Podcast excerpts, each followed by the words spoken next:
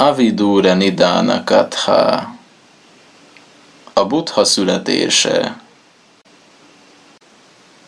Egy alkalommal Kapilavattu városban kihirdették a nyári holtölte ünnepséget.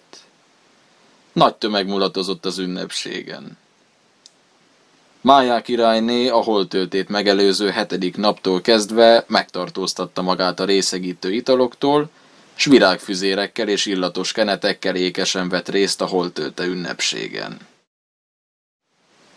A hetedik nap reggelén felkelt, illatos vízben megfürdött, bőkezű adakozás során 400 ezer pénzt szétosztott, minden ékszerével felékesítette magát, a legfinomabb ételeket fogyasztotta, elvégezte az ünnepi szertartásokat, majd ünnepi öltözetben hálóházába lépett, lepihent fényes nyoszójájára, álomra szenderedett, és ezt az álmot álmodta.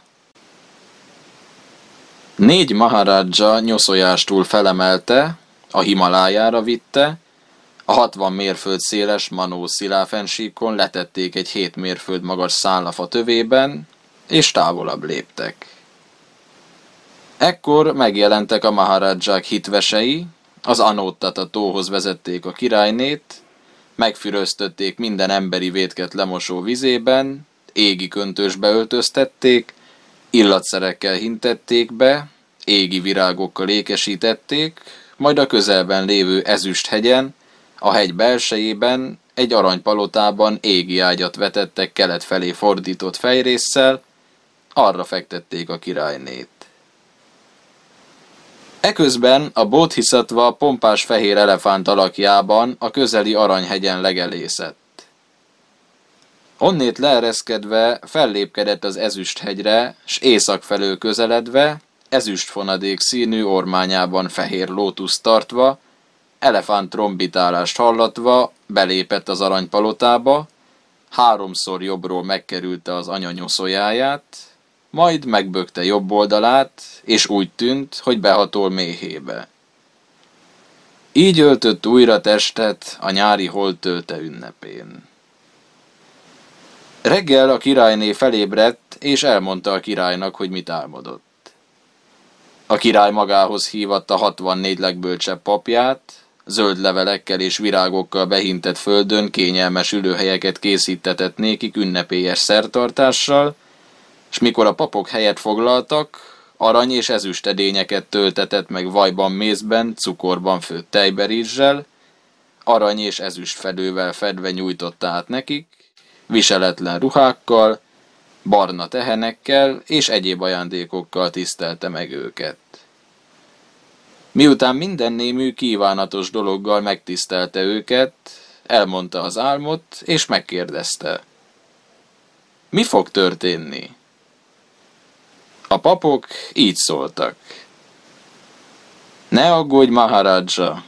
Magzat fogant királynéd méhében, és a magzat fiú lesz, nem lány.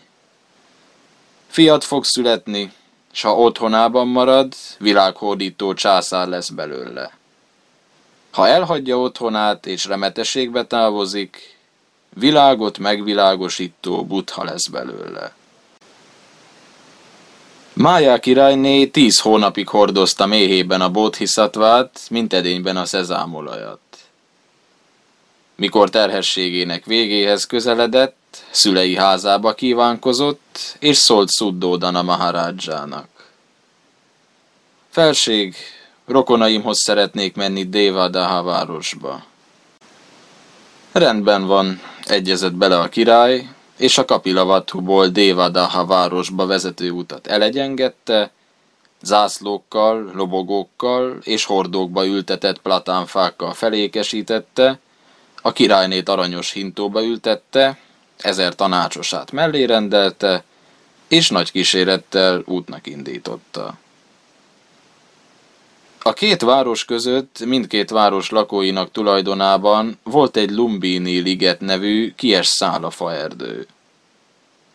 Ebben az időben minden fa virágpompában állt, tövétől az ágak hegyéig, s az ágak között és a virágok körül ötszínű méhek raja és mindenféle madársereg röpködött, édes daluk zsongott. Az egész Lumbini liget olyan volt, mint Indra isten égi kertje, mint nagy hatalmú király vigalomra felkészített mulatócsarnoka. Amikor a királyné megpillantotta, kedve támad sétálni a szála erdőben. A tanácsosok lesegítették a királynét, és bementek vele a szála erdőbe. A királyné egy hatalmas szálafa tövéhez lépett, és le akart törni egy gajat. A szálafa ága lehajlott, mint egy nátszá meghajló vége, úgyhogy a királyné kézzel elérte. Kinyújtotta kezét, és megfogta az ágat. Eközben rájöttek a szülési fájdalmak. A kísérő sokaság lepelt vont köré, és visszalépett. A szálafa ágába kapaszkodva álló helyzetben hozta világra a magzatot. Ekkor négy szentséges, világteremtő Brahma jelent meg, kezükben aranyhálóval.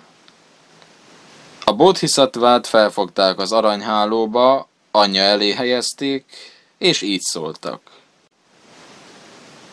Örvendez királyné, dicsőséges fiat született.